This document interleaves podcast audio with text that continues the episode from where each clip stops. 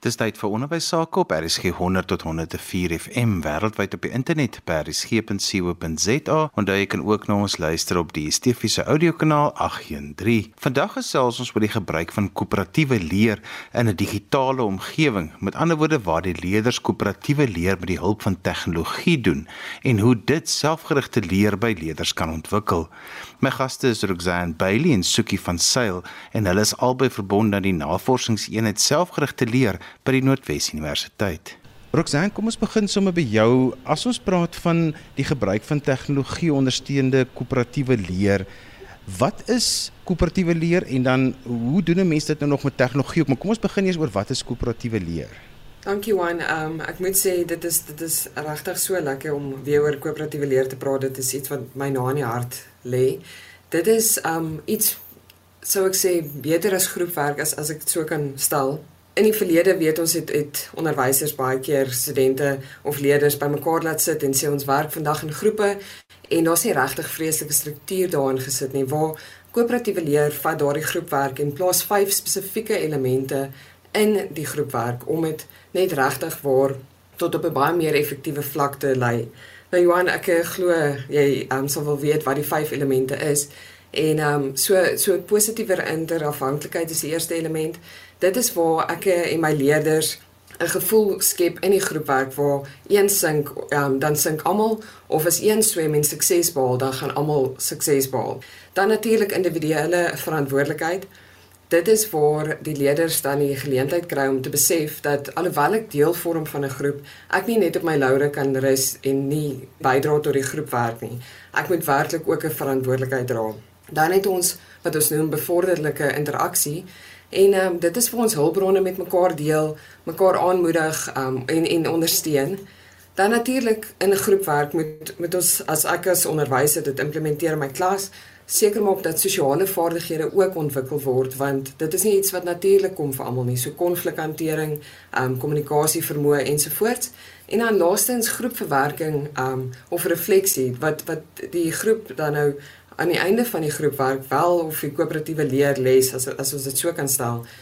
Kyk na wat het gewerk, wat het nie gewerk nie. Wat kan ons volgende keer anders te doen en hoe kan ons eintlik dit wat ons hier geleer het dan nou oordra na 'n volgende groepwerk sessie of koöperatiewe leer sessie dan.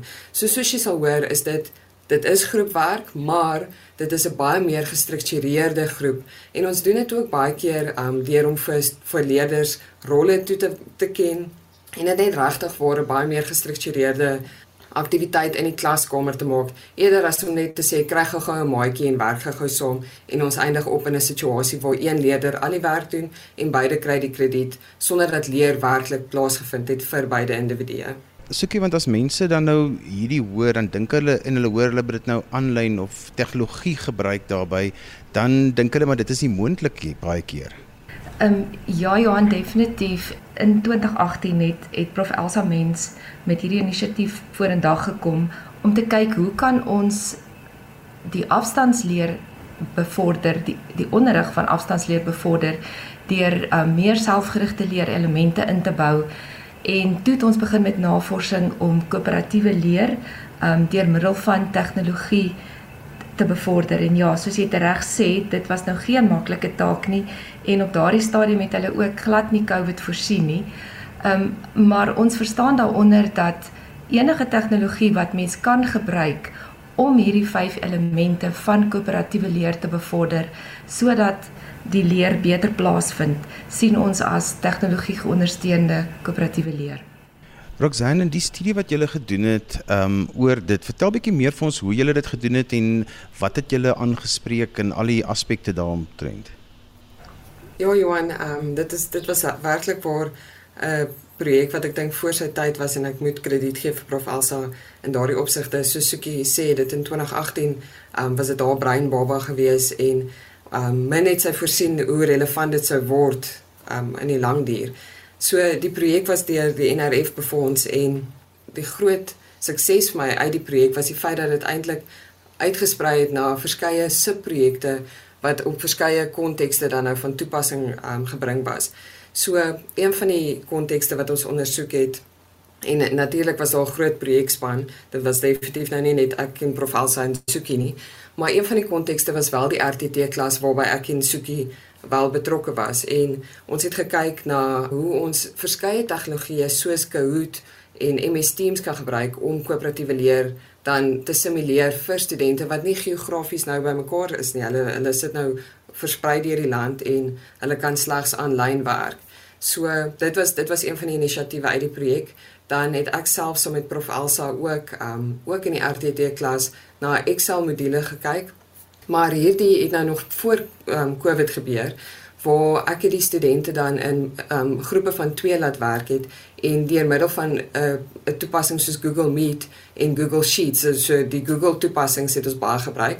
Um leerders wel die geleentheid gegee om weg van mekaar af te sit in die klaskamer, maar nog steeds in in 'n paar saam te werk en dan natuurlik die vyf elemente van koöperatiewe leer daar ook te stimuleer.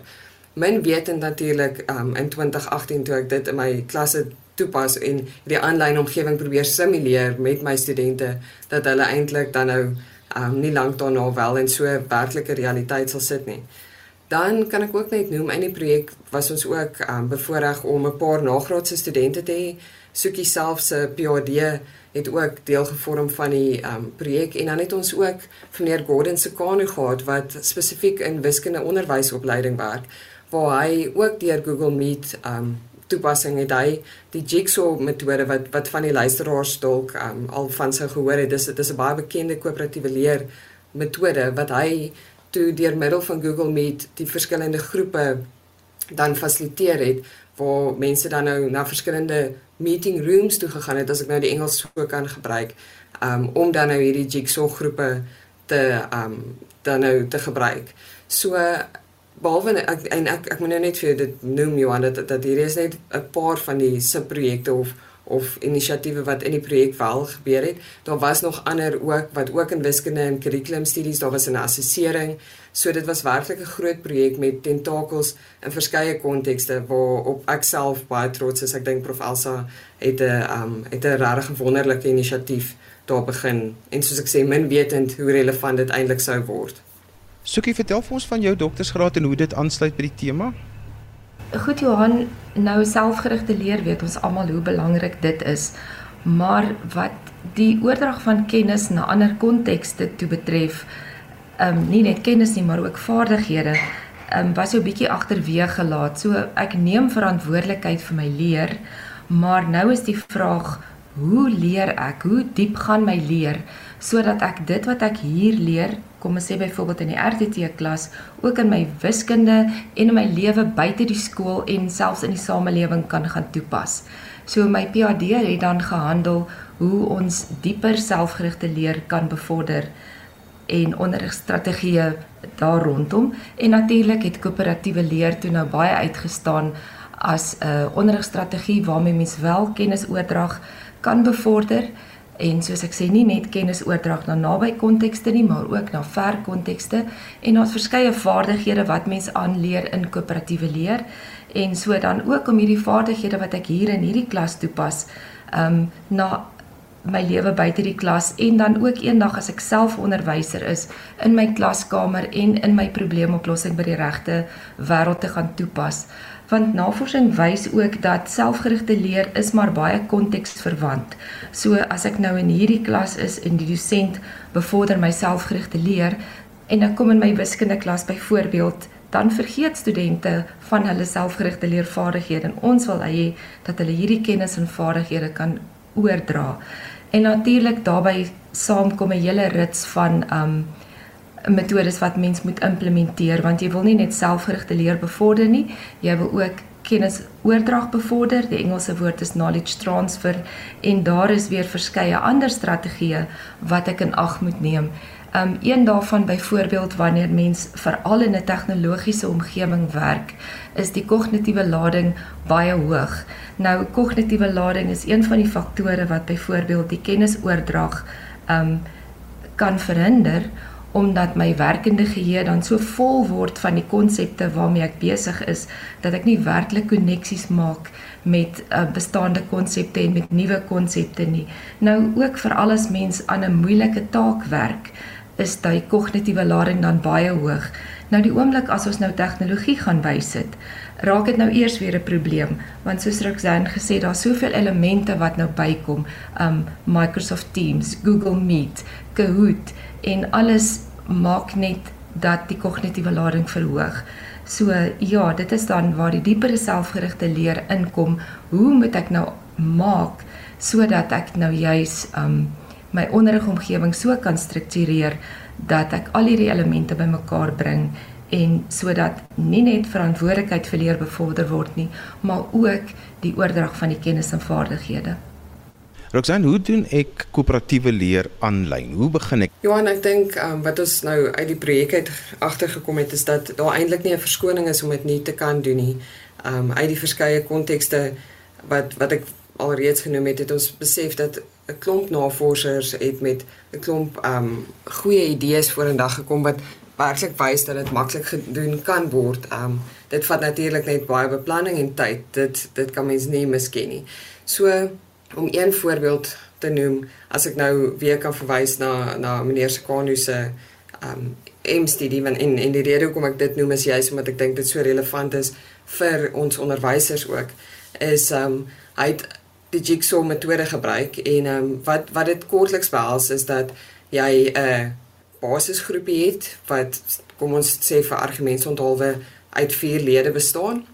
En hulle het 'n probleem wat dalk 'n werklike probleem is wat hulle moet oplos en in sy geval was dit dan nou 'n wiskunde probleem omdat dit 'n wiskunde onderwyseropleiding was.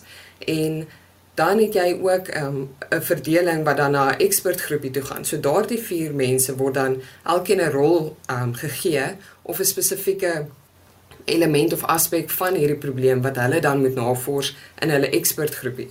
So wat nou wat nou in sy geval gebeur het is hy hulle almal gegroepeer, elkeen in hulle eie meeting room as ek dit nou weer so kan in Engels sê en dit was dan nou die vier oorspronklike basisgroepie gewees waarna hy dan die expert groepies gestig het en en hulle dan nou weer uit hierdie oorspronklike meeting room gegaan en dan nou na 'n nuwe expert meeting groep toe gegaan waar argumentsonthulwe al die nommer 1s wat dan nou op 'n spesifieke wiskunde aspek dan nou moes fokus bymekaar gekom het hulle het dan nou gesels hulle het um idees uitgereik met mekaar gedeel en regtig waar 'n ryk kennisbasis opgebou oor hierdie onderwerp. En dit is ook hoekom ons hulle dan nou ook die ekspertgroepie noem, juis omdat hulle wegstap daar en hulle um, kennis van daai daai onderwerp en selfs vaardighede indien nodig is dan nou net baie hoër as as iemand wat nou nog nie daarmee gewerk het nie daarna gaan hulle dan weer terug en hulle skakel dan weer in op hulle oorspronklike groep se um meeting room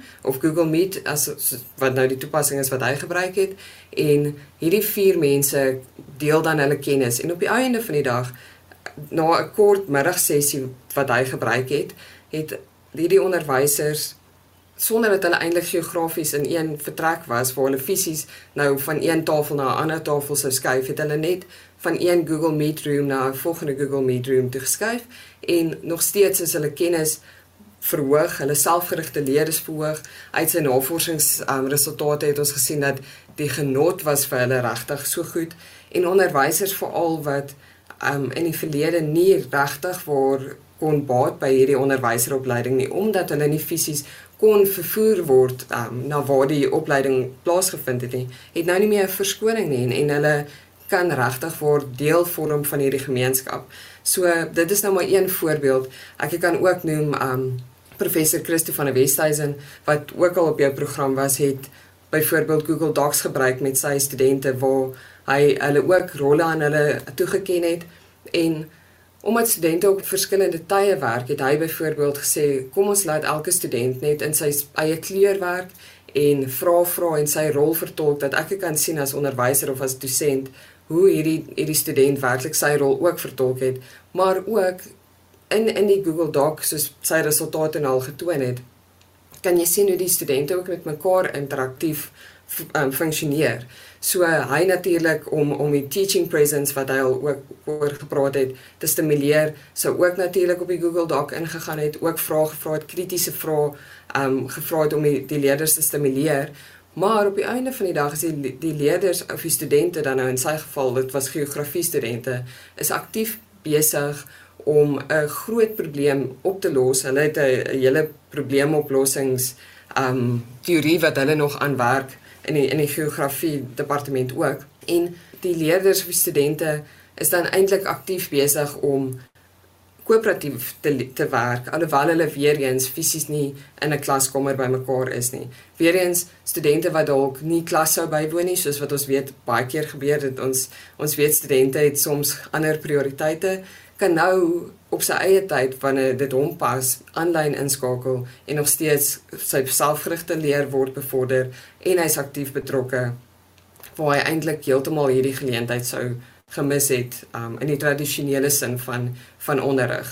Ek wil dalk net hier byvoeg, jy sal agterkom soos wat Roxanne verduidelik, ons verplaas regtig waar die fokus van studente sit net agter 'n rekenaar en hier is weer 'n onderwyser um of 'n dosent besig om direkte onderrig te gee en net absoluut deur 'n klomp skyfies te hardloop, plaas ons nou daardie verantwoordelikheid en die aktiwiteit terug na die studente toe. So al gebeur dit in 'n aanlyn omgewing, ehm um, daar vind nie direkte onderrig plaas nie. Die studente is besig um, om hierdie probleem op te los. Hulle is besig om mekaar te leer.